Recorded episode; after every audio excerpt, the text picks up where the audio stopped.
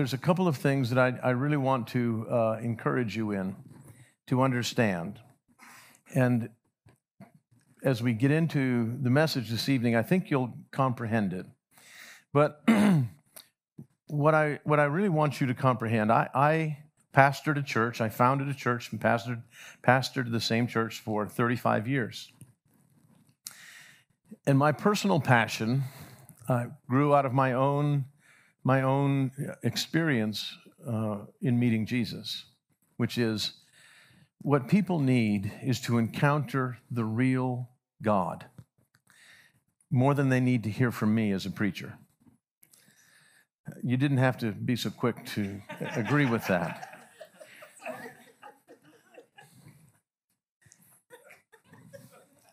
This is my life. But so I wanted to raise up a church environment where, where as we were worshiping God, it would cause the living God to look from his throne and say, Those people really want me. So let's go and meet with them. And that is, now that's not very religious language, but that's the passion that I wanted to put inside our whole church. And we talked about it constantly. That that was our, that was our, that was our goal. Each and every time we gathered corporately, that we so wanted to have God's presence that we he had no choice. He just had to come and to meet with us. And I pray that the same is for you. And if, if, if I want to explain church for you for just a moment. If you ever have to miss something in, in a church service, like on a Sunday morning or whenever you have a gathering, miss the sermon. You probably never had a preacher say that. But if you've got to, if you have to miss something, miss the preaching. Because let me explain to you what's happening in church. You see, preaching and teaching is for us, but worship is for Him.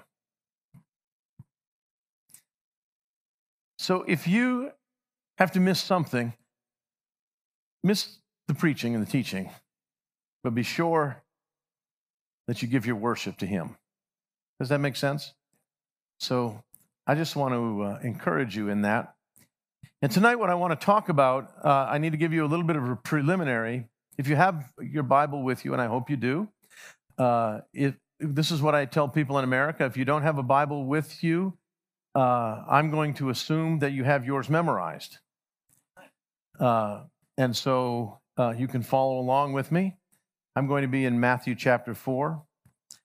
But what I want to talk to you about uh, to, to bring understanding, a foundation of what we're going to talk about tonight is this that just as an individual can have a calling from God, so do churches. So there's the individual anointing and calling, but there is a corporate anointing and calling. And we're not, we, we are not just to simply imitate other churches. We need to know our corporate calling. Does that make sense to you? And so I exhort every church I'm in take time to hear from heaven what is our divine purpose. You see, God doesn't work by accident, He always has purpose. And so, would God cause this church to come into existence in this community, in this time, in this age, in your lifetime, He has a divine purpose for it.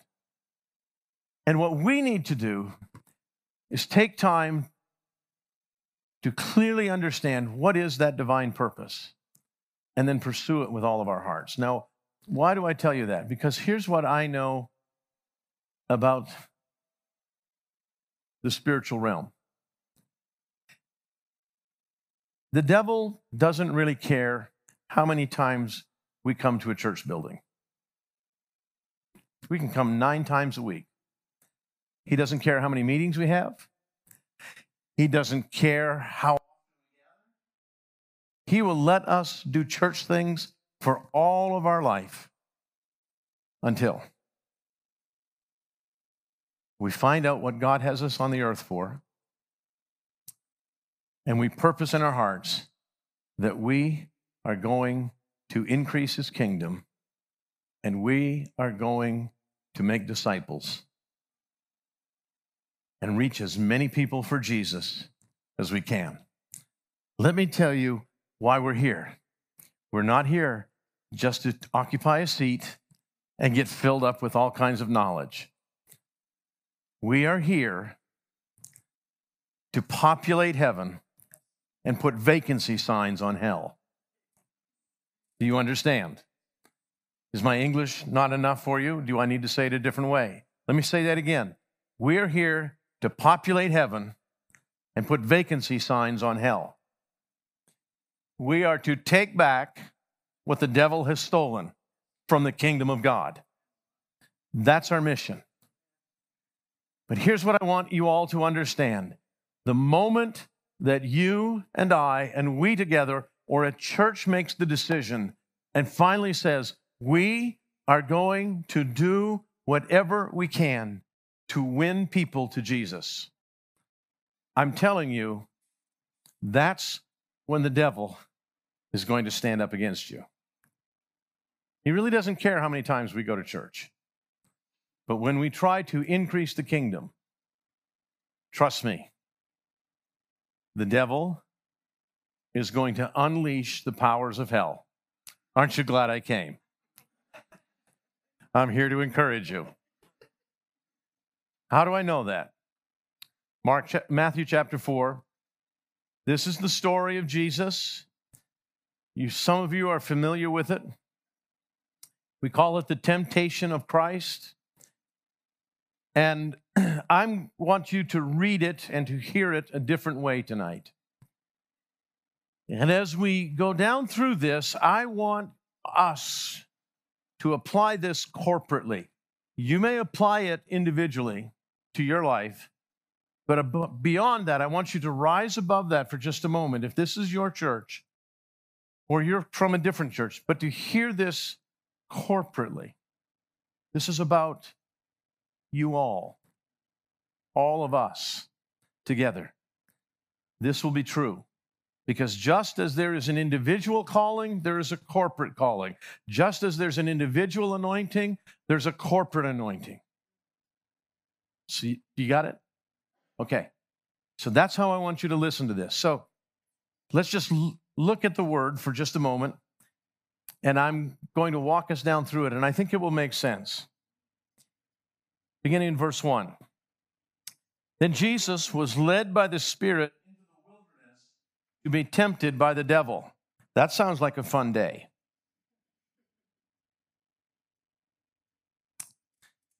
And when he had fasted 40 days and 40 nights, after that, he was hungry. Now, I don't know why I always start to laugh when I read that. But it's like, well, of course he's hungry. Have you ever gone for 40 days and 40 nights without food? Try it sometime. You'll be hungry. It's in that moment. Now, when the tempter came to him, he said to him, If you are the Son of God, command these stones to become bread. But Jesus answered and said, It is written, Man shall not live by bread alone, but by every word that proceeds from the mouth of God. Jesus is quoting the book of Deuteronomy. That's not the most important thing. This is what's called the first temptation of Christ or the first invitation of the devil. Let me point something out to you. Just, just hang on to this.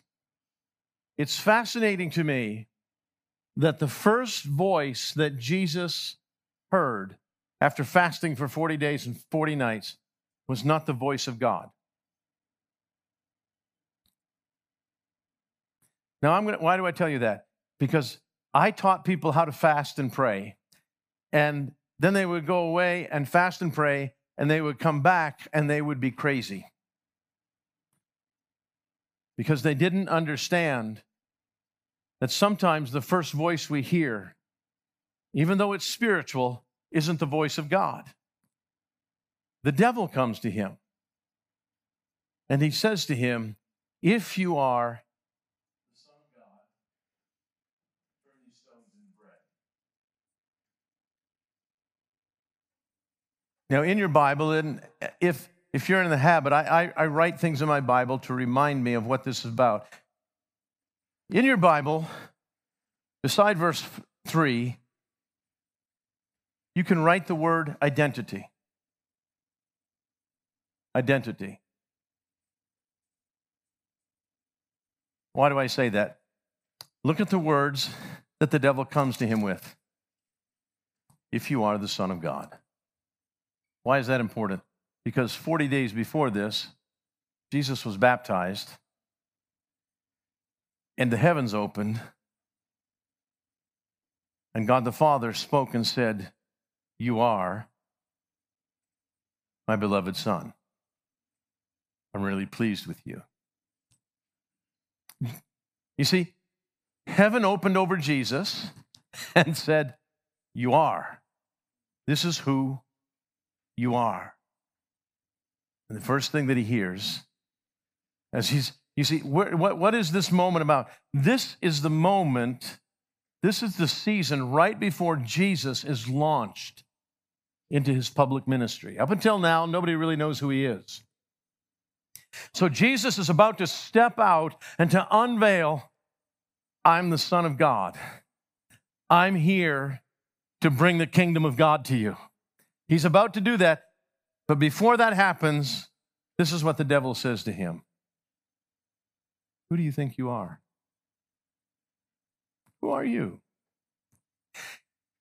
If you read your Bible, you'll find this happens over and over and over again. Who are you? When John the Baptist showed up, what did they do? Who are you? Are you the, are you the one? Are you the Messiah? It's identity. Who do you think you are? Who are you? He'll call it into question. And it's a very good question. But it's not one we need to answer with if we know what the living God has called us to. It's, it's you, you see, this is where so many people get tripped up. You get want, you're wanting to do something for God, a church wants to do something for God, and all of a sudden, all of the doubts, all of the anxieties, who do you think you are? You really think you can do that? Don't you think you're kind of arrogant? I mean, come on. Look at you. How are you going to pastor a church? Who do you think you are anyway? Identity. How many of you have ever watched The Lion King? You're okay. So here's your assignment. This is your biblical assignment. You need to watch The Lion King tomorrow afternoon in between the times I'm preaching, okay? Watch The Lion King. It is a, it is a great movie about theology. You think I'm kidding? Do you remember when, when uh, isn't it Simba? He's the, the, right? And, and like his dad gets killed and he doesn't want to be the king and he doesn't want anything. So he runs out into the what? Wilderness. And then his father appears to him. Do you remember what he says to him? Remember who you are. Pretty good, huh? Remember who you are. Do you know who you are for the kingdom of God? Because God has a purpose and He has a calling. And when you discover it, it will get challenged. If you are the Son of God, then turn these stones into bread. And of course, Jesus quotes the Word of God to him. along this with the second verse.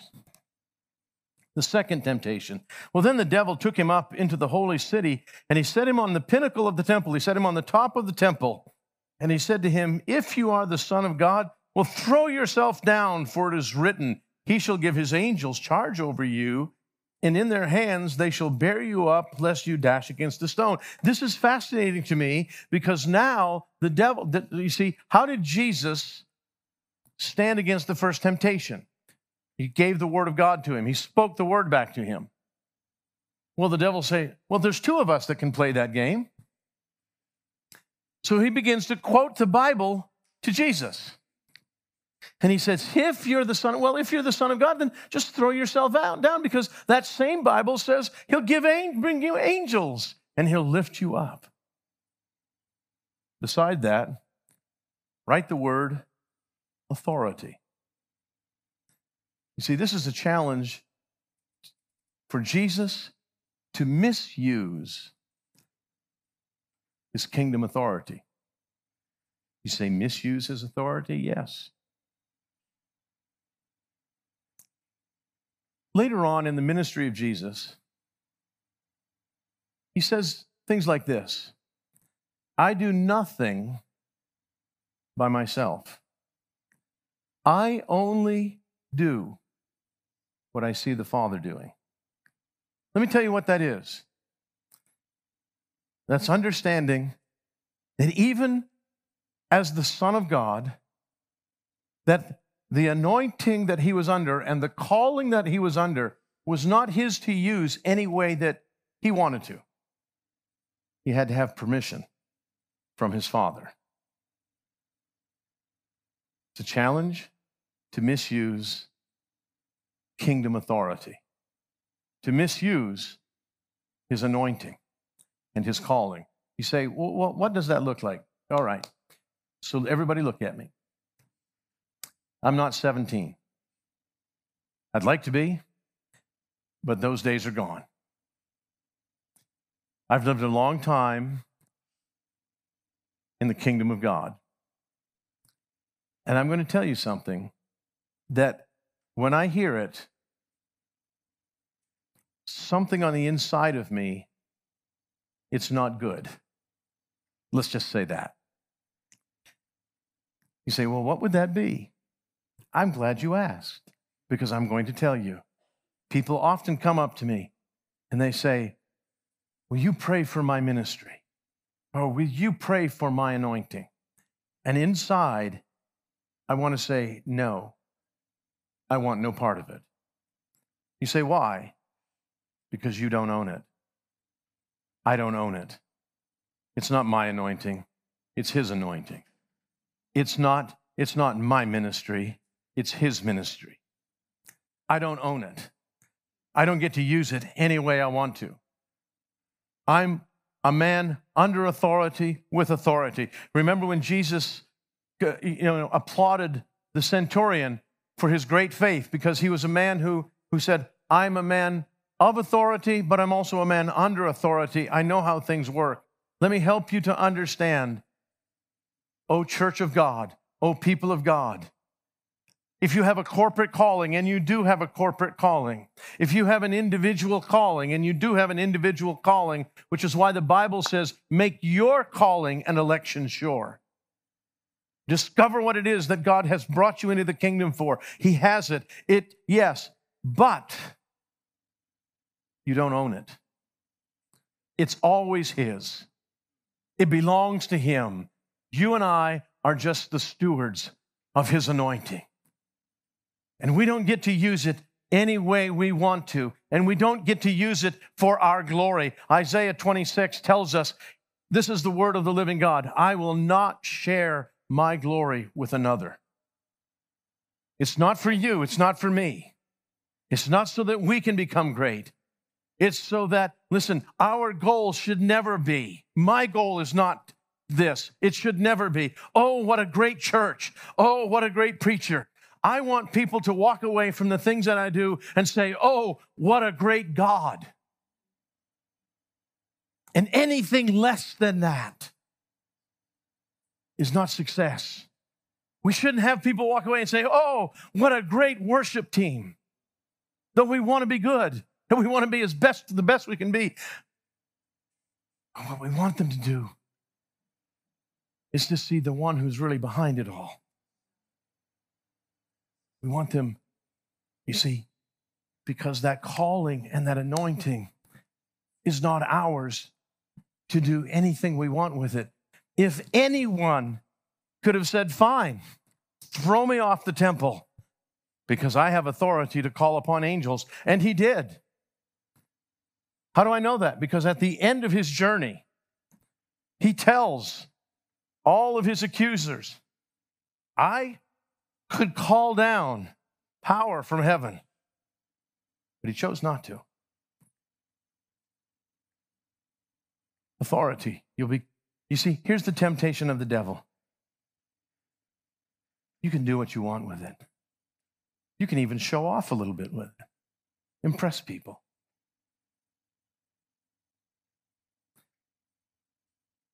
It's His. It all belongs to Him. It was never yours. And we are called to treat it with the holiness that it deserves. Jesus didn't have permission from his Father to call upon angels at that moment. And so, what did he do? He again quotes the word of God back to the devil.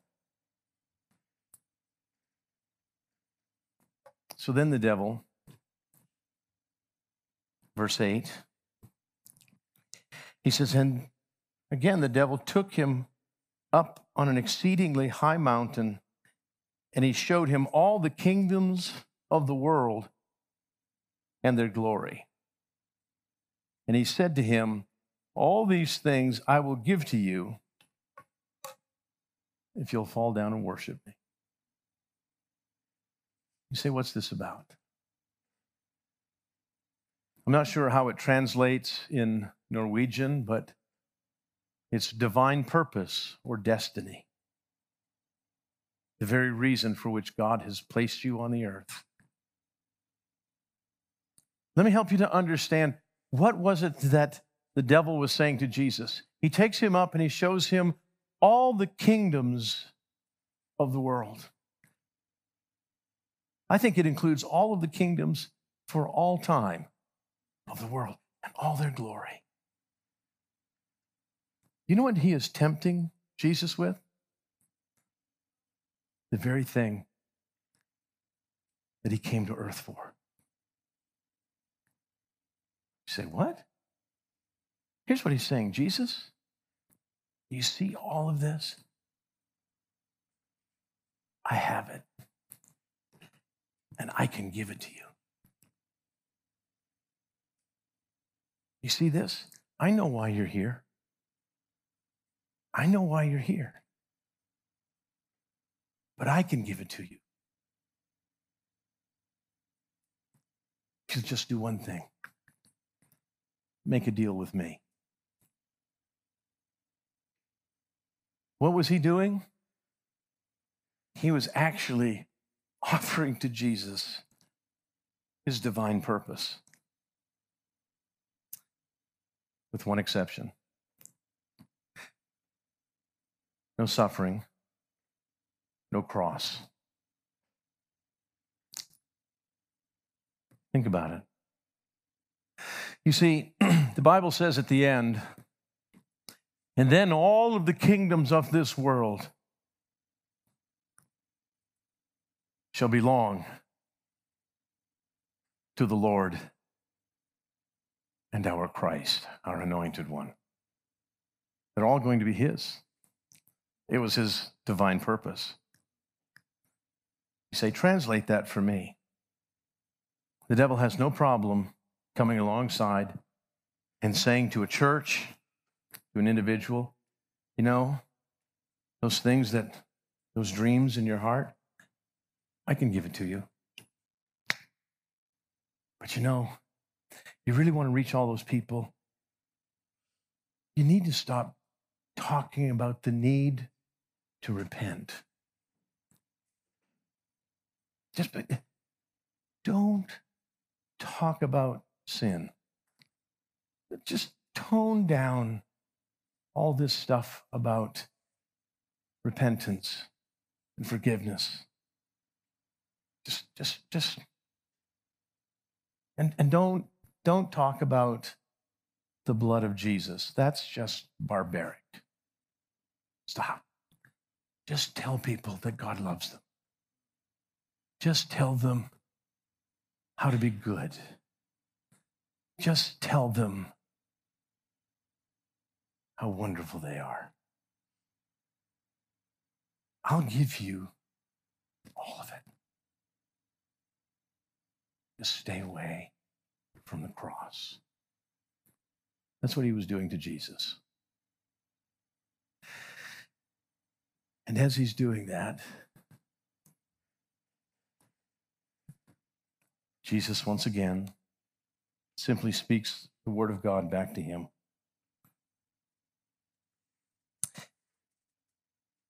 Away with you, Satan, for it's written, You shall worship the Lord your God, and him only shall you serve. Isn't it interesting that the last thing that the devil temp- tempts him with is this one thing just bow down and worship me. Worship. It's the great contest of time and of eternity. You know what the choice is in our life? Who will you worship? That's all it is.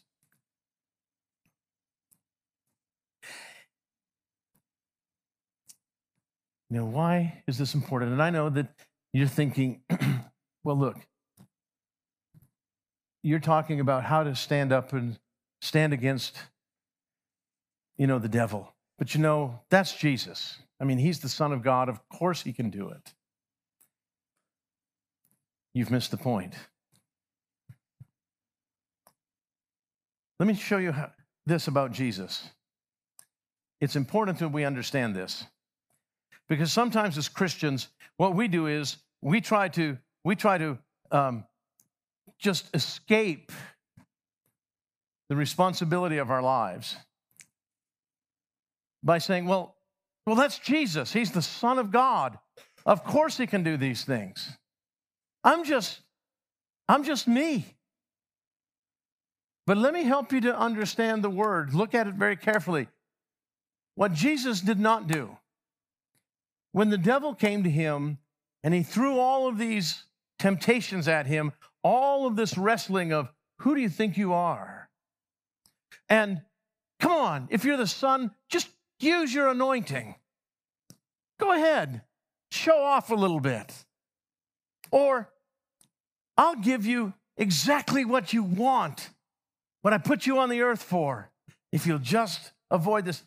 This notice what Jesus didn't do. Jesus didn't say, Satan, leave me alone because I am the Alpha and the Omega, the beginning and the end, the second person of the triune God, the active agent of all creation, and I am the Lord of lords and the King of kings, and I'm coming back. Leave me alone. He didn't do that.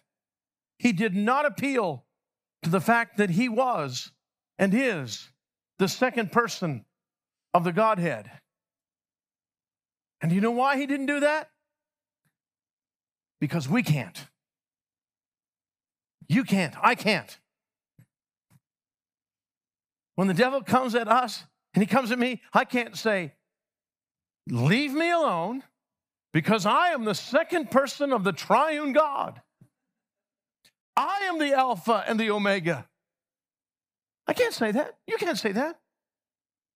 And what Jesus is doing is setting the tone of how we walk. He's a living example of this is how you do it. You see, because the Bible says that when he came, he took off all of his divine, divine godliness. And he was found in human form.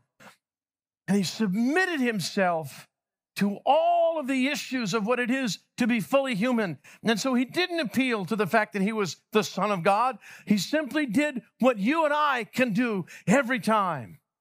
He just picked up the revealed word of God and he hit him. He hit him.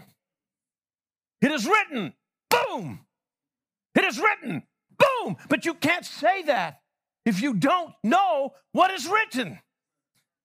Because in that moment, you can't say, Excuse me, but I got to go talk to my pastor and find out what the Bible has to say about this.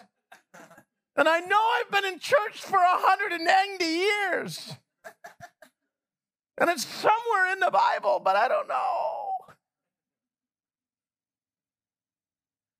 You see, Jesus is showing us in that moment, when you're about to step into the things that God has for you, and your heart is beating, and you don't know for sure if you can do it, but you know God has called you to do it, and He just stands up on your shoulder and goes, Who do you think you are?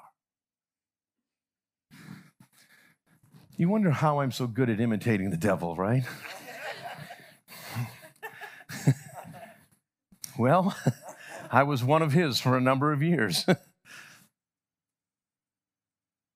and you and I can say, It is written. It is written. And we can push back on him so that we can step into everything that God has for us rather than be taken down prematurely. Let me help you, especially some of you who are young, who are at the beginning stages. I want you all to understand this. I want the church to understand it. I want every person to understand this. You see, Satan is the ultimate abortionist. That's why he comes on the front end so fiercely, because if he can crush it before it has time to root, and mature and strengthen, He'll grab it. That's why this is at the beginning of the time with Jesus, because He's about to unveil who He is. He's about to step out, out onto the human stage and say, Whoops, that's not what He's saying. He's saying, The Lord has anointed me to preach good news to the poor, recovery of sight to the blind, and to free all those who are oppressed, and to say, the kingdom of God is here. I'm here. I'm here on the greatest rescue mission all of eternity is ever seen. I'm here to plunder hell and take back what rightfully belongs to my Father.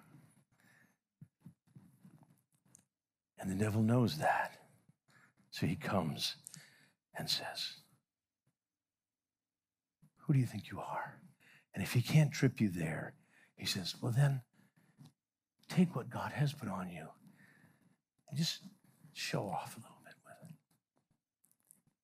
Just use it to get a little bit to yourself.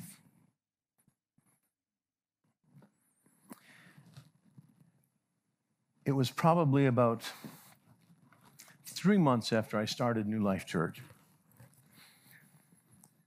And uh, I was 25, 26, a lot younger than I am now. We had about this many people, and I was preaching. And I had this moment in this message. I really can't tell you what I was preaching, but I had this moment. And I had this, this thought came into my mind while I was preaching that had nothing to do with what I'm preaching about, which is really hard to keep preaching when that happens. But I'm preaching and I'm watching the people, and all of a sudden this thought comes into my mind and this is this is this was this was what it said. He said, Jeff, you can take these people any place you want to. Think about that. I'm preaching, and I hear a voice in my head, it says, You can take them anywhere you want to. You have that power.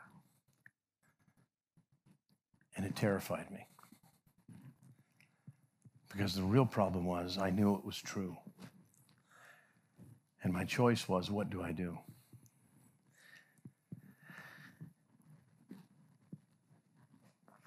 You see, friends, why am I telling you this? I'm telling you this because God has a mission and a purpose for you corporately. He's not done with this house.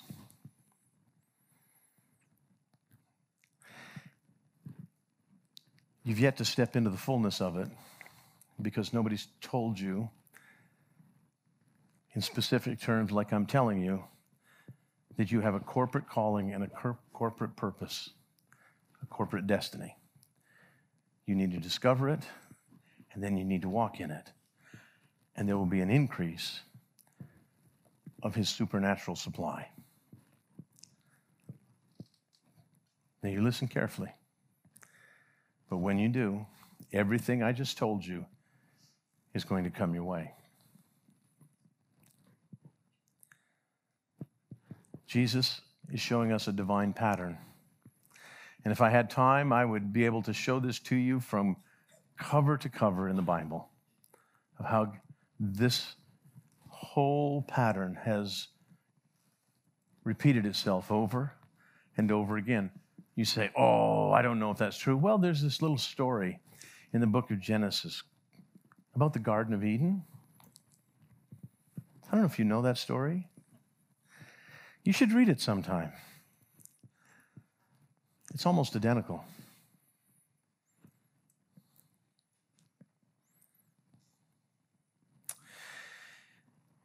So, why is this important?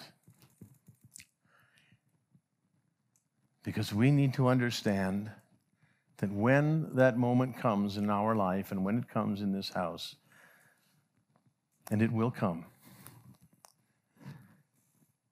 we can stand the same way that Jesus did and say, It is written. It is written. It is written. It is written. Do you understand what I'm saying?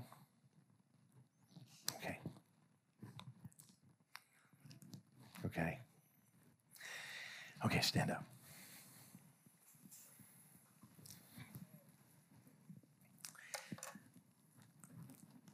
All right, Lord. Tell me exactly how I'm supposed to do this.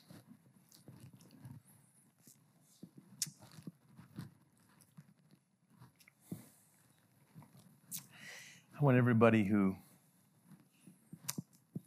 participates in the worship ministry to come up here.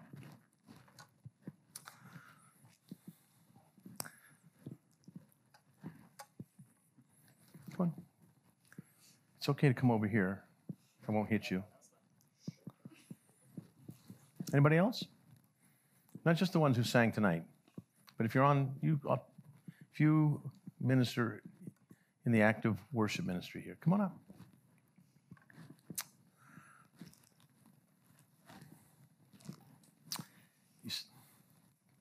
Don't worry, I'm not going to try to cast the devil out of you.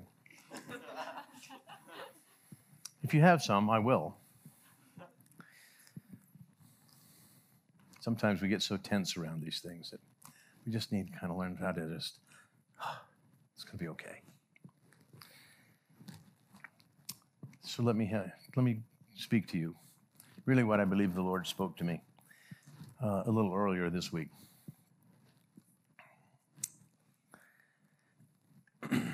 Be careful.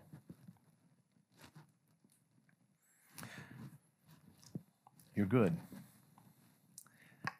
Have a lot of talent.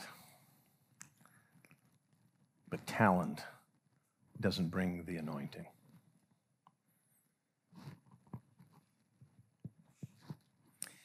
You don't want to know who our first worship leader was?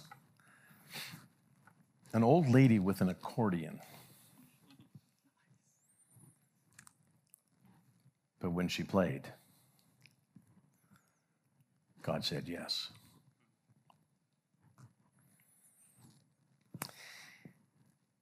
But be careful. Because the Lord Himself does have an anointing for you. Part of the corporate calling of this church is worship. But I believe the Lord wants me to caution you lest you misuse that anointing and say, we can do what we want with it. No, you can't.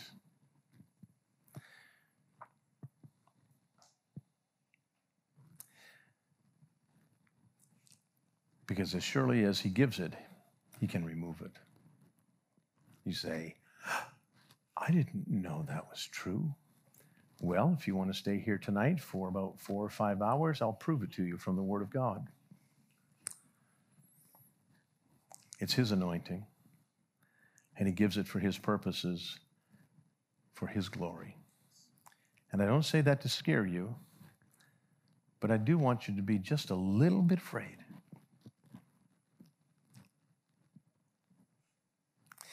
You see, when I had that moment and I heard that voice say, Jeff, you can take these people anywhere you want to, it scared me. Because deep down on the inside, there was a part of me that was saying, Yep, I can. That's what scared me. And on the other side of that, I spent time and I got alone with Jesus and I said, Jesus, please protect me from myself. More than anything, protect me from myself. You know the hardest deception to overcome? It's self deception. Because when you have self deception, you don't know you're deceived.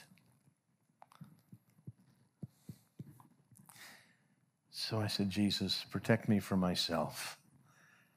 And don't ever let me get so blinded that I don't recognize that I need to be protected from me so that you are the one who's glorified. So you're saying, This is the weirdest prophetic word I've ever heard. Deal with it. This is how it comes through me. You see, here's what I know about the Lord Jesus He's good, and He really wants to do immeasurably more than you can ever ask or ever think or ever imagine with your life. I know because he did it to me. I've gone places that when I was your age, I could never imagine or even believe. If somebody told me, I would have laughed at them and said, You're nuts. That's impossible. And it was. But he can do, and he wants to do, immeasurably more. I don't care how big your dream has been on the inside, he can go bigger. That's not a problem at all.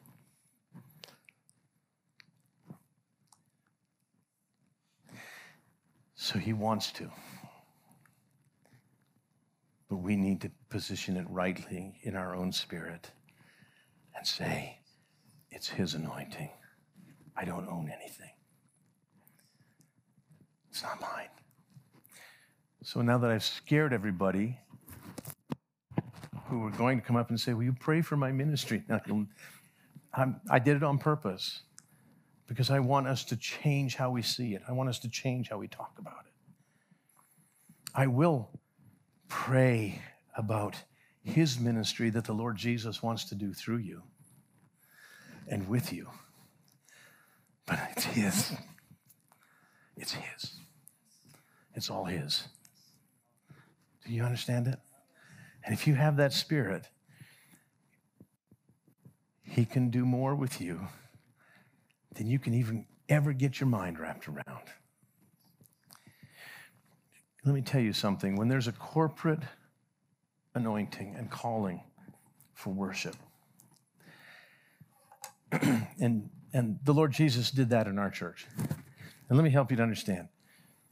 Sometimes we really weren't very good hit the wrong notes, microphones failed, had the power shut off on us once. We came in for an Easter Sunday and somebody had broken into the church and stolen all of our microphones.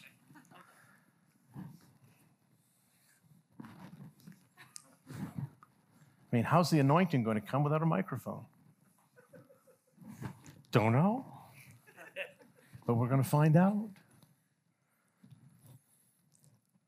But with the right heart, this is what happened. More people met Jesus and got saved and got delivered from demonic powers and got healed while we were worshiping than they ever did through my preaching or through any altar call. It became a normal pattern that while we were worshiping, people would walk up and pull on my shirt like this and say, How do I meet God? Because he's like here. And I'm coming out of my skin. It's like, you don't understand. I haven't preached or given an altar call yet. We don't do it now. No. It was just his presence. You see, that can happen here. It can happen here. We have to get our hearts in the right place to say, it's his. Does that make sense? All right, put your hands out. Spirit of Jesus. I've talked enough. Come. Come. I want you to take every one of their talents and all of their abilities, and with their open hands, they're saying, It's yours. And now, Jesus, as they present all of who they are, begin to anoint them and pour out your spirit with all of who you are and take their gifts and their talents and their abilities and magnify it. Overlay all of that natural ability and put your anointing on it. So when they start to play, it's you. And when they open their mouth to sing, it's you. Father, I pray for the increase of your calling in this realm in such a way that when they begin, even tomorrow, people will forget who's on the stage because your presence will overtake the room and you'll begin to do extraordinary things. And so, Father, I pray your divine protection over them. And, and Lord, would you do this one more thing? I ask you right now on the inside of their spirit, in their heart, you would, you would put a fierceness in there to be fiercely protective of this reality. That this anointing, this calling, they're never to take ownership of. And when people speak to them about it, that they'll have a boldness to correct those people and say, Stop. It's not mine. It's His. Father, keep them from the temptation to say, well, maybe it is me. It's never you, it's all Him. And so, Jesus, I pray in this moment your deposit. Your deposit that will bear fruit like they've never seen before. So, Holy Spirit, release your corporate calling to this house. Father, I pray that you would begin to speak. If, you, if you're a leader in this house, just lift your hands up right now. All you out here, if you're a leader, just lift your hand up. If you lead, just lift your hand up. Father, I pray that you would begin to release the truth of that corporate calling and that corporate anointing into your house and into your leaders in this house. And I pray, Father, that as that is released into them in detail, that they will not be afraid to speak about it, and it will bear witness among your people that yes, this is true. So that with all of their strength and all of their courage, they'll be able to run after it as hard as they can, believing that your anointing will visit your calling, that you will bless what you call, that you will your presence will come upon, and that they will be and know and do the divine purpose for which you've put them here on this earth. And they'll do it boldly and they'll do it in faith, and you will bear fruit. And I thank you for that in the name of Jesus. Amen. All right. How you doing? You happy? Well, good. I'm glad you're happy. Everybody, some of you are terrified right now because you've never had anybody be this weird. It's okay. I want to pray for every person here. And then we're going to be done. I don't care what age you are. I don't care how long you've walked with Jesus. None of those things matter right at this moment. But here's what I can tell you if you're still breathing, you haven't finished what God put you on earth for. So some of you that have got hair the same color as mine, you know, people have been telling me, you know, you know, you, we, we, you, you're on camera. You should really color your hair. I said, I am. This is the color that I'm turning it.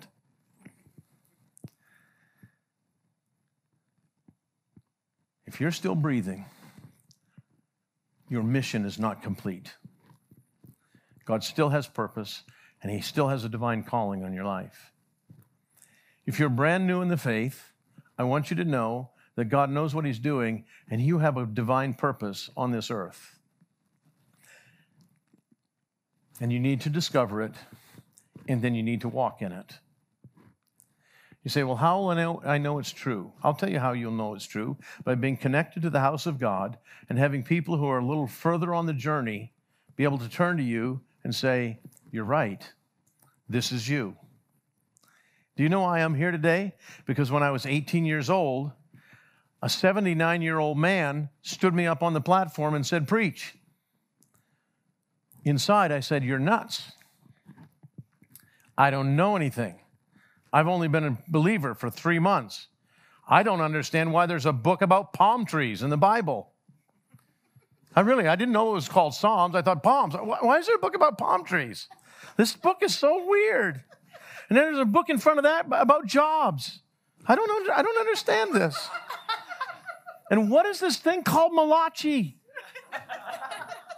you think I'm this was me this was me I'm just being really honest this is what I'm, I'm thinking why are you doing this but he saw what I couldn't see you see when God has a calling for us we don't just get to pick and choose what we want it's his calling but the reality is other people will say so let me give you the truth. I wouldn't walk across the street to listen to me preach. I really wouldn't. It's like, I've tried to listen to myself. I said, God, that man's an idiot. But somehow, in the midst of it, God uses it to touch people's lives. You see, it's affirmed through others. Okay? And we need to learn how to trust that and walk in that. Let me give you another little clue about the corporate calling and individual calling. When God joins you to a community of believers, when He joins you to a church like this, it's because those two are connected together. Do you understand it? So if if if if you if you think you can just go out and do whatever you want to do, God's under no obligation to bless it. The two are tied together. That's why God joins us in communities, because those individual callings and individual anointings are all part of fulfilling that corporate anointing together. Your part and our part together. Does that make sense? So hold on to that. So now I want to pray for this whole church. Jesus, I pray that every person in this room tonight,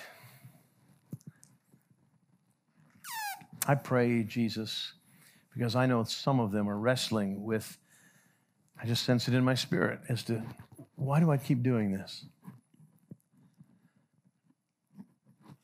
And Father, I pray that they'll be able to uh, understand the voice in their head that's whispering to them, why don't you just leave? Why don't you just give up? In the name of Jesus, I pray that you silence that voice.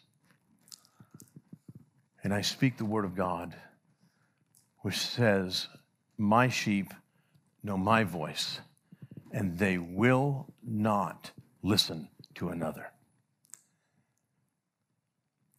And so, Father, I pray for every man and every woman, and that you will reinvigorate them for the kingdom, that you'll re energize them so that they will be able to say, with the Apostle Paul, I've run my race. I have finished the course. And there's laid up for me the crown of righteousness. Nobody cut me off. I didn't quit. I didn't give up. I finished what God put me on the earth to do. One of my favorite stories is of a, is of a man that I admired deeply. He was a, one of the most incredible preachers of the 20th century in the English speaking world. And uh, word got back to his church. He had retired, but word got back to his church that he was very ill and he probably was going to die. This is a true story. So, all the elders from the church, he trained them. Uh, that they all came to his house because they were going to anoint him with oil and pray for him to be healed. And his, his, his wife came to the door when the elders came. And so she went into the bedroom because he was very ill. And she said, You know, the elders are here and they want to pray for you. And he opened his eyes and he said, Send them away. She said, What? She said, Go tell them, go home. Don't you pray for me. Don't you dare keep me from the glory. I've run my race. So go away. I love that story. because he knew I win. I want everyone here to be able to say that. So don't quit and don't give up and don't give in. Find what God put you on the earth to do and then run hard after it. So you can say, I've finished. Cross the line. Amen. Amen. I love you. I'll be here tomorrow morning. I've got two more messages. I hope I can remember what they are. We'll see you tomorrow. God bless you.